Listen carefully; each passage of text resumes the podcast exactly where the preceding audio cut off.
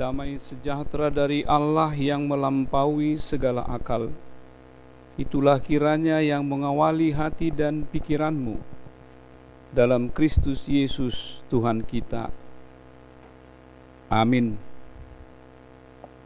Bapak, Ibu, dan saudara-saudari yang dikasih oleh Tuhan kita Yesus Kristus, hari ini kita bersyukur karena Tuhan memberikan kesempatan bagi kita untuk merayakan acara Jumat Agung di tengah-tengah pandemi COVID-19 kita masih dapat beribadah di rumah mengikuti acara Jumat Agung ini.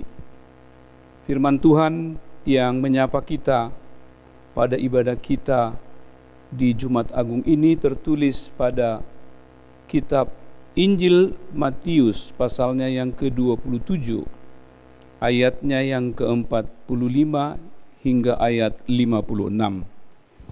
Demikian firman Tuhan. Mulai dari jam 12 kegelapan meliputi seluruh daerah itu sampai jam 3. Kira-kira jam 3 berserulah Yesus dengan suara nyaring. Eli, Eli lama sabahtani. Artinya, Allahku, Allahku, mengapa engkau meninggalkan aku?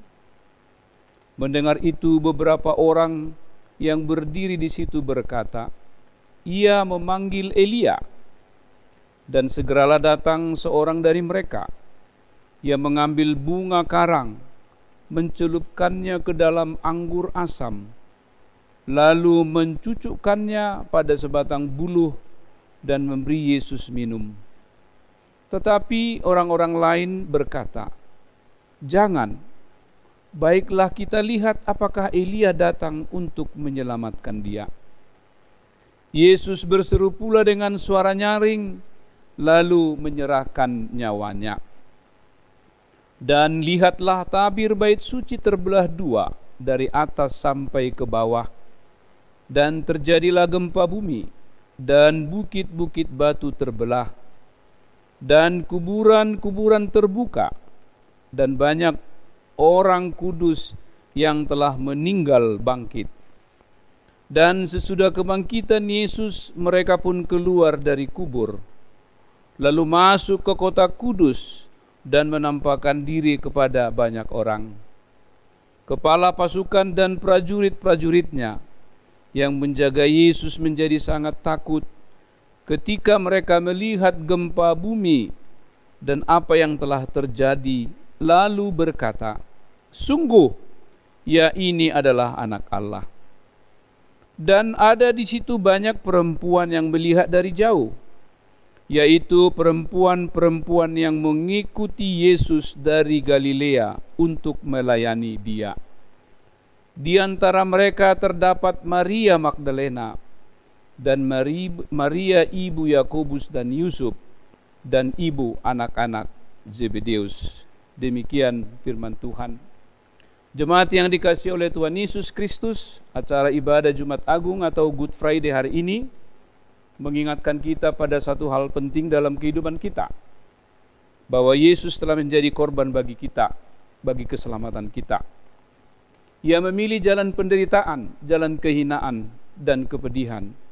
Bukan oleh karena kejahatan, celah atau dosa yang ia lakukan. Sebab ia tidak mengenal dosa, tetapi menjadi dosa. Bahkan lebih daripada itu yang menjadi jalan perdamaian kepada Allah. Yesus menempuh jalan salib karena cinta kasihnya kepada umat berdosa. Tidak lain dan tidak lebih supaya kita selamat. Luput dari maut, luput dari kematian dan hukuman. Jumat Agung sungguh-sungguh menjadi hari istimewa, hari yang agung, bahwa hidup kita diangkat Allah, dimenangkan serta diselamatkan melalui kematiannya Karenanya Jumat Agung menjadi peristiwa iman, peristiwa hidup yang tak sekedar kita peringati, lebih daripada itu bagian hakiki dari hidup kita sendiri. Karena tanpa itu hidup kita tidak akan berarti. Menurut laporan Injil Matius, drama kematian Yesus disalib ditandai dengan kegelapan yang menutupi daerah itu. Dari nats yang kita baca dari pukul 12 hingga pukul 15, kegelapan berlangsung selama tiga jam penuh sebuah waktu yang sangat panjang sekaligus juga sebuah waktu yang akhirnya mendapatkan tanggapan dan reaksi bahkan spekulasi dari berbagai kalangan mengkaji peristiwa ini. Jangan-jangan pada waktu itu ada terjadi gerhana matahari. Tetapi itu dapat dibantah karena tidak mungkin gerhana matahari terjadi sepanjang tiga jam penuh.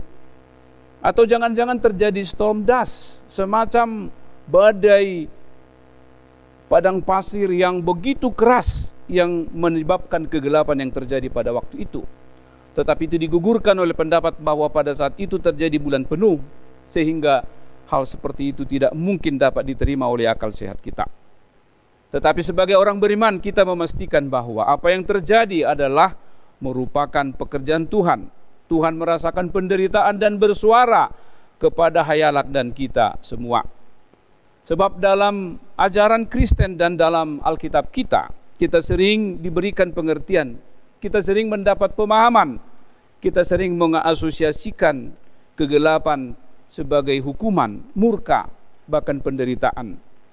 Kita mungkin masih mengingat Ayub yang mengutuk hari lahirnya sebagai hari yang penuh dengan kegelapan. Atau juga Yesaya yang menganggap bahwa penghakiman Tuhan dianggap sebagai hari yang penuh dengan kegelapan. Demikian juga Amos dan Yoel menyebut hukuman dengan hari kegelapan. Atau mereka yang menolak Yesus juga sering dianggap mereka yang menerima kegelapan dan menolak terang Tuhan. Sebab Yesus menyerukan bahwa dia adalah terang dunia. Jadi ketika kegelapan menutupi seluruh daerah itu, tanda penghakiman sedang mengambil tempat. Tuhan Yesus dihakimi, dihukum, dikutuk. Bukan oleh kesalahan yang dilakukan, tetapi sesungguhnya penyakit kita lah yang ditanggungnya dan kesengsaraan kita yang dipikulnya. Padahal kita mengira dia kena tula, dipukul dan ditindas Allah. Ia tertikam karena pemberontakan kita.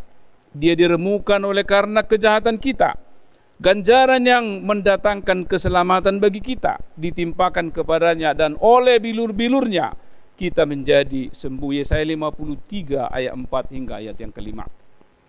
Bapak Ibu dan Saudara yang dikasih Tuhan, saya memberikan sebuah kisah yang menarik yang menghubungkan antara perasaan bapa dengan anak sebagaimana perasaan Allah dengan Yesus dalam sebuah kisah yang terjadi justru pada perayaan Jumat Agung.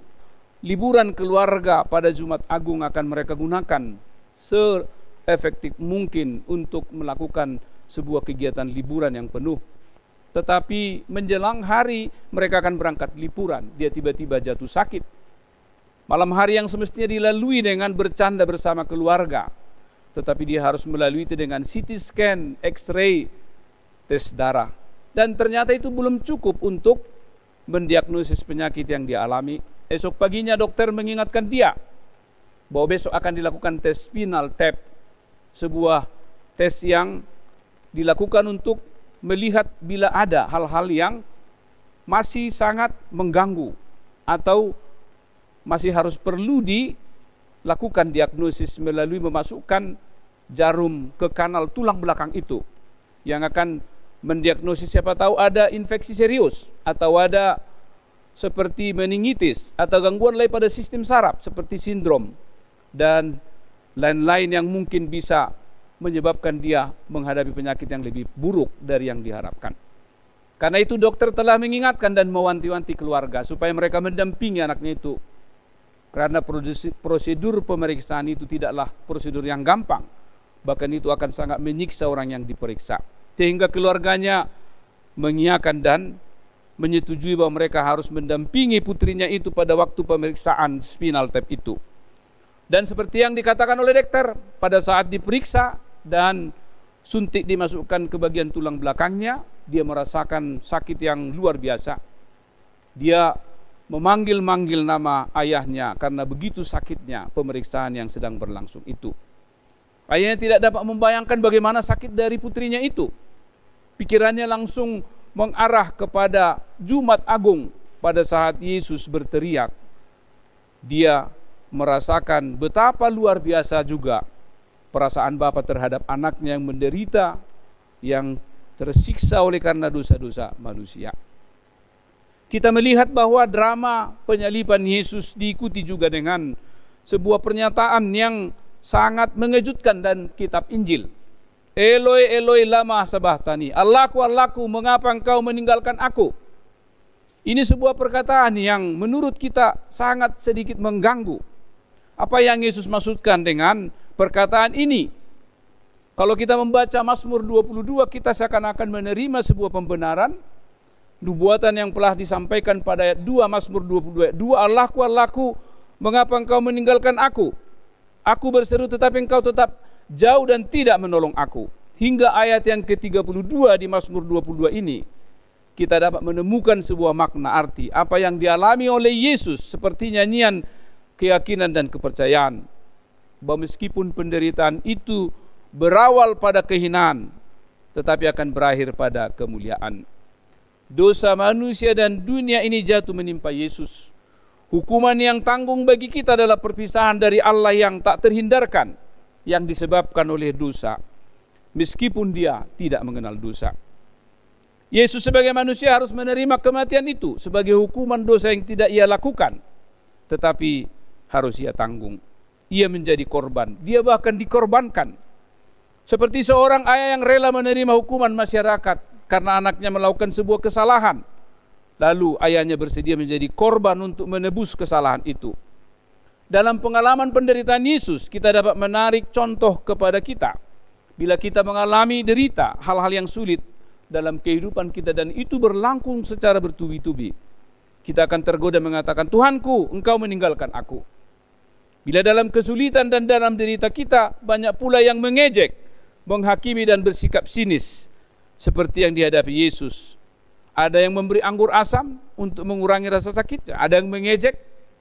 Kita lihat saja apa yang menjadi pernyataannya di salib itu sehingga orang lain mengatakan oh dia minta pertolongan kepada Elia mereka tidak merasakan begitu menderita Yesus mereka sepertinya tidak peduli dengan apa yang dialami Yesus demikian juga kita ketika mengalami hal-hal yang sangat buruk dalam kehidupan kita ketika kita menderita ketika kita susah tetapi orang lain tidak memberikan sedikit perhatiannya pun dengan penderitaan kita kita diejek, kita diolok-olok, bahkan mereka secara sinis menganggap kita sepertinya melakukan sebuah drama saja. Kita akan merasa sepertinya kita ditinggalkan oleh semua orang. Hal yang menarik yang kita lihat dalam nat kita ini adalah penyingkapan yang menggetarkan. Pada saat tabit suci terbelah dua, gempa bumi, bukit-bukit terbelah, kuburan-kuburan terbuka, banyak orang kudus yang telah meninggal bangkit. Tabit bait suci terbelah dua. Di bait suci ada tabir yang menutup ruang maha kudus. Tak seorang pun boleh menerobos masuk ke ruangan itu kecuali imam besar. Itu pun pada hari perdamaian sekali setahun.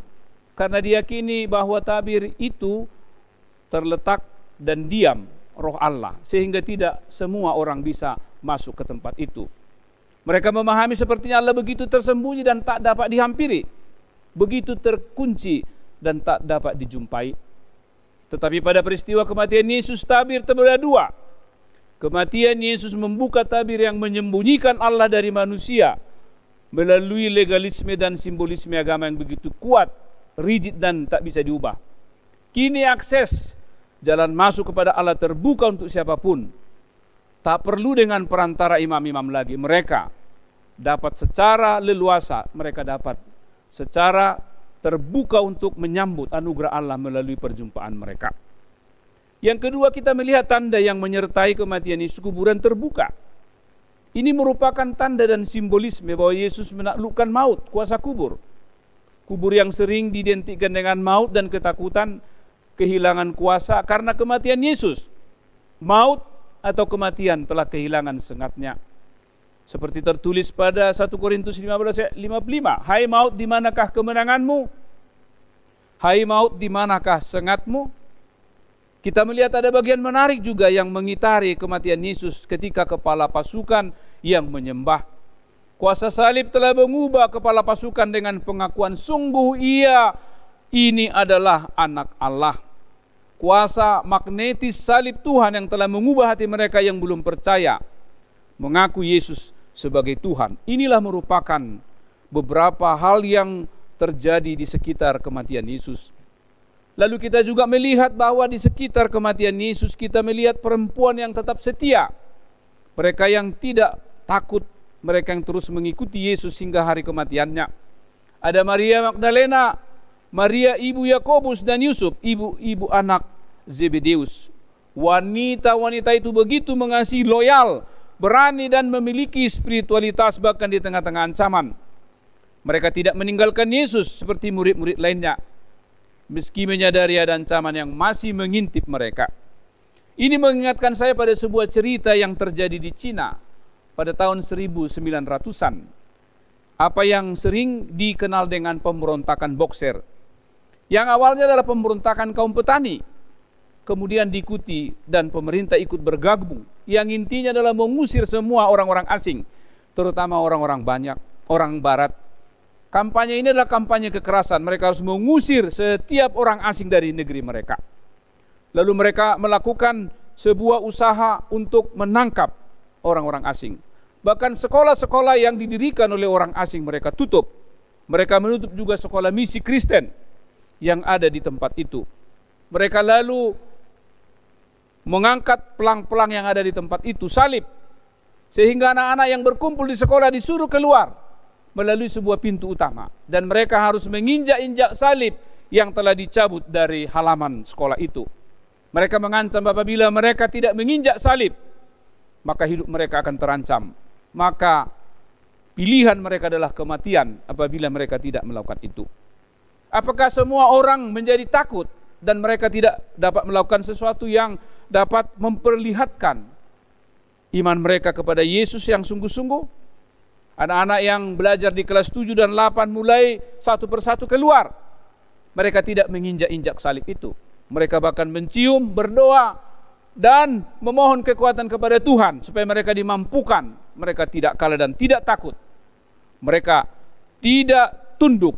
Mereka tidak dijinakkan oleh ancaman-ancaman yang disampaikan oleh kaum pemberontak boxer itu. Tindakan beberapa anak itu akhirnya diikuti 92 anak yang lain mereka bersedia melewati pintu itu tanpa menginjak-injak salib. Mereka dengan berani, dengan tegas, dengan dasar iman yang kuat kepada Yesus Kristus, mereka keluar melalui pintu itu tanpa menginjak-injak salib. Seperti itulah wanita-wanita yang mengikuti, menyertai perjalanan Yesus yang mati di salib. Bahwa mereka tetap setia, mereka tidak takut, mereka menunjukkan, mereka memberikan sebuah warisan yang sangat penting dalam kehidupan bergereja bahwa hidup mereka harus sungguh-sungguh taat kepada Tuhan meskipun ancaman memenuhi kehidupan orang-orang banyak. Kita tahu bahwa murid-murid sudah pergi dan meninggalkan Yesus. Mereka takut, mereka menganggap bahwa ancaman yang serius yang setiap saat masih mengintut kehidupan mereka membuat mereka bersembunyi. Tetapi wanita-wanita itu tetap mengikuti meskipun dari tempat yang jauh karena mereka setia kepada Tuhan. Mereka tahu bahwa mereka harus melayani Yesus bahkan pada saat Yesus menjelang kematiannya pun. Pertanyaan untuk kita apakah makna Jumat Agung bagi kita saat ini di tengah-tengah pandemi COVID-19, di tengah-tengah kegalauan, di tengah-tengah kegundahan kita, di tengah-tengahnya sedikitnya pilihan yang boleh kita ambil, di tengah-tengah kurangnya ruang bagi kita untuk dapat mengekspresikan iman kita karena kesempatan kita yang begitu terbatas untuk bersekutu. Karena kesempatan kita yang terbatas untuk melayani, untuk melakukan berbagai kegiatan-kegiatan dalam memperkuat, dalam mengafirmasi iman percaya kita kepada Tuhan. Apa yang bisa kita lakukan? Apa makna Jumat Agung bagi kita pada saat ini? Pertama terang salik menguatkan kita betapa berharganya hidup kita bagi Tuhan. Berharganya hidup saudara, Bapak Ibu dan saya mengapa Tuhan Yesus mengorbankan hidupnya. Dalam tradisi-tradisi masyarakat timur, tradisi-tradisi bahkan masyarakat barat, teori korban sering kita pahami sebagai sebuah teori di mana seseorang harus dikorbankan demi keselamatan orang lain. Seseorang dengan sengaja dikorbankan supaya kita mempunyai alasan untuk membenarkan diri kita. Bahkan dalam peristiwa-peristiwa kemasyarakatan di tengah-tengah kehidupan kita, dalam kehidupan kita sehari-hari. Mereka yang sebenarnya tidak bersalah, mereka yang sebenarnya tidak patut menerima hukuman, tetapi mereka harus dikorbankan. karena mereka orang yang lemah, karena mereka dapat dengan mudah dijinakkan. Karena kita yakin bahwa mereka dengan mudah dapat kita korbankan karena mereka tidak memiliki kekuatan, tidak ada kemampuannya untuk melakukan perlawanan sehingga mereka dikorbankan. Tuhan Yesus dikorbankan bagi kehidupan kita. Karena itu sepantasnya marilah kita menghargai kehidupan kita dengan mengisinya melalui berbagai karya, pelayanan, perbuatan dan pengabdian kita yang berkenan kepada Tuhan. Yang kedua salib Yesus dan kematiannya memberi kekuatan kepada kita orang percaya bahwa kuasa maut telah dikalahkannya dengan mengorbankan hidupnya supaya kita selamat. Dengan itu kita harus saling menguatkan, menyemangati, menopang di dalam kehidupan persekutuan kita. Tidak waktunya lagi untuk saling menghancurkan, merusak, melukai sesama kita, bahkan mengorbankan orang lain. Kematian Yesus justru memberikan pesan yang begitu kuat kepada kita. Bahwa kita harus menjauhkan segala bentuk yang merusak kehidupan persekutuan. Kita harus saling menopang.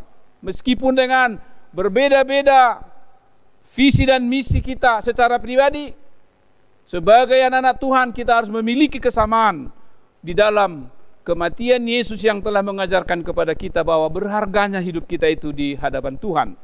Dan kita harus memaksimalkan bahwa kematian Yesus itu harus menjadi kekuatan yang selalu merekatkan, menyatukan, membangun kohesivitas kita bersama satu dengan yang lain supaya menjauhkan segala bentuk-bentuk yang dapat mengorbankan orang lain karena sikap kita, tindakan kita dan cara kita memperlakukan orang lain. Yang ketiga sebagai gereja di tengah COVID-19 ini, marilah kita menjadi saksi yang setia. Tidak hanya menunjukkan Ketakutan kita di bawah bayang-bayang kematian dan pemberitaan yang begitu masif dan meluas. Termasuk jumlah orang yang terpapar virus corona. Jangan kita merendahkan kuasa Allah yang terus bekerja di tengah-tengah berbagai kesulitan kita pada saat ini. Jangan membuat kita menjadi pesimis, apatis, skeptik. Kita seakan-akan menganggap keadaan sekarang tidak dapat berubah. Tetapi mari seperti perempuan saksi Kristus yang setia dan kepala pasukan itu yang mengubah sikapnya, mengubah hidupnya, mencintai Tuhan dan memberikan kesaksian bahwa sungguh dia anak Allah. Mari kita menjadi saksi yang setia Kristus dalam seluruh hidup kita. Berbagi itulah sikap dasar dari karakter orang percaya di tengah-tengah pandemi 19. Ada sebuah cerita tentang pengalaman seorang percaya di tahun 1970-an. Cerita ini mungkin bagi kita akan sulit kita yakini dan percayai. Karena cerita ini sungguh-sungguh merupakan sebuah drama pengorbanan. Cerita tentang sebuah iman yang sungguh-sungguh tangguh di tengah-tengah pilihan yang berat. Seorang bapak mengajak seorang anaknya dan sahabatnya untuk pergi berlayar dan memancing. Tetapi di dalam perjalanan mereka di tengah laut, mereka digempur oleh badai yang sangat dahsyat dan sangat besar. Perahu mereka tidak dapat menahan ombak, menahan gemuruh yang begitu besar sehingga perahu mereka terbalik. Kuatnya badai itu menyebabkan mereka harus pontang-panting untuk menyelamatkan diri mereka. Bapak ini adalah seorang yang cukup mampu berenang dengan baik, dia cukup kuat. Dia berusaha untuk mencari life jacket, tetapi dia melihat kedua anak dan sahabatnya itu berjuang, bertahan, terapung. Begitu ganasnya gelombang yang sangat besar yang membuat mereka terapung-apung sehingga dia berpikir pada saat yang sangat kritis itu melihat kedua anaknya. Oh ya anak saya ini adalah seorang percaya. Seorang yang telah menerima Yesus sebagai juru selamatnya apa pun yang terjadi bagi dia. Dia akan sampai kepada Bapa. Dia tidak akan sia-sia karena hidupnya telah ditebus oleh Yesus. Bagaimana dengan seorang yang lain sana, sahabatnya yang belum menerima Yesus?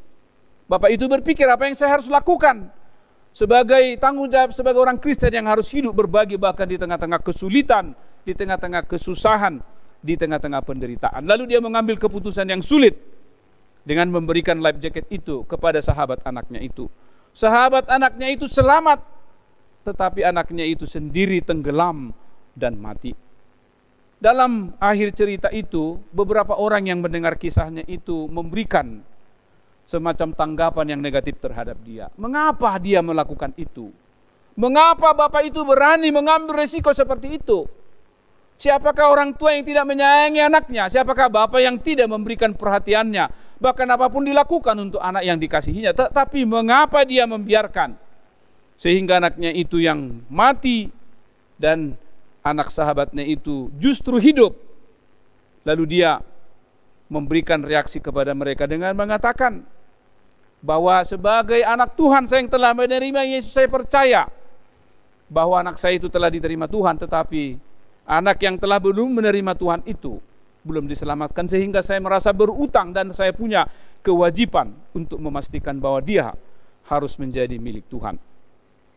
Saya berterima kasih kepada kalian karena kalian memberikan perhatian kepada saya sebagai seorang bapak. Tetapi yang menjadi pergumulan saya karena anak yang menjadi sahabat anak saya itu adalah anak dari pendeta, saudara. Bisa memang terjadi hal-hal seperti ini dalam kehidupan kita. Saya pernah juga mengalami ini dalam sebuah pengalaman berjemaat saya di tempat yang jauh dari tempat kita ini. Keluarga pendeta tapi anak-anaknya tidak percaya Yesus. Mereka sepertinya tidak memiliki koneksi dengan orang tuanya yang melayani sebagai pendeta di tengah-tengah jemaat. Bisa terjadi seperti anak tadi. Tetapi seorang bapak yang memberikan contoh dan teladan bagi kita bagaimana hidup berbagi. Dia bahkan mengorbankan anaknya demi seorang yang telah belum menerima Yesus yang telah belum menerima Yesus sebagai juru selamatnya. Itulah cara hidupnya berbagi dengan sesamanya. Memang kita sangat sulit berbagi dalam kehidupan kita. Kita sudah terjebak dalam individualisme yang begitu tinggi. Kita lebih cenderung memikirkan diri kita sendiri. Tetapi hari ini, di Jumat Agung ini, pada bagian yang terakhir khotbah saya ini, kita diajak justru untuk hidup meneladani apa yang telah diteladanikan oleh Yesus kepada kita. Sembari terus berkomitmen sambil mengingat lagu yang tiap saat sekarang dikumandangkan di tengah-tengah gereja kita dalam menyemangati, dalam memotivasi, dalam menginspirasi, dalam mengajak kita supaya kita memulai memberitakan kisah kasih Tuhan dari diri kita sendiri. Kumulai dari sendiri. Mari mulai dari diri kita masing-masing.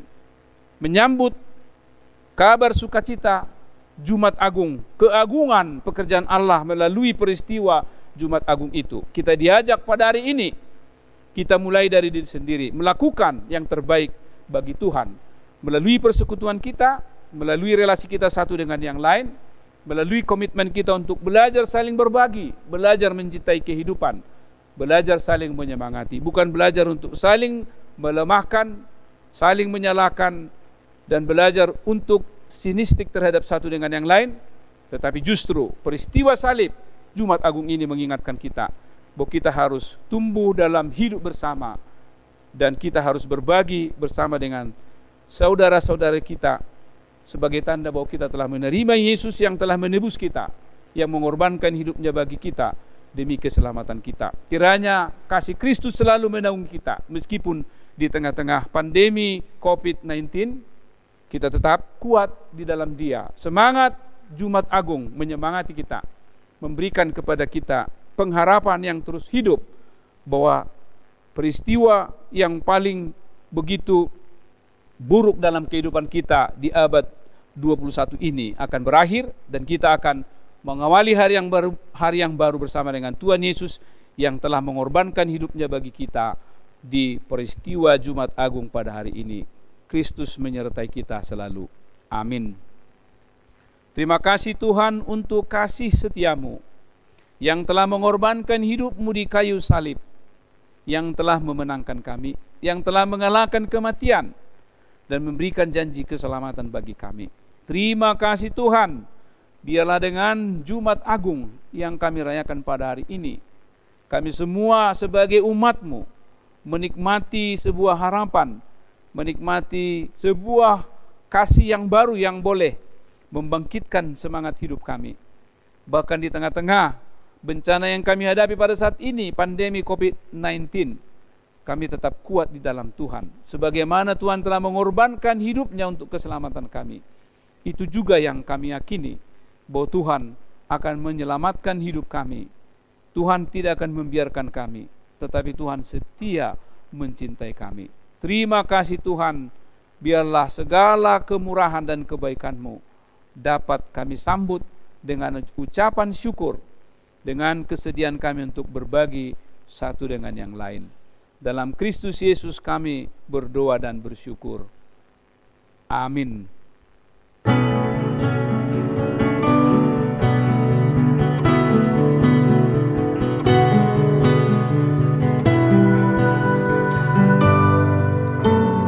Terima kasih telah mendengarkan khotbah edisi Jumat Agung tanggal 10 April tahun 2020 di Rumah Talk Tebet Podcast. Kiranya Tuhan senantiasa menyertai dan memberkati kita dalam ibadah Jumat Agung. Selamat memperingati Jumat Agung dan selamat menantikan kebangkitan Sang Kristus.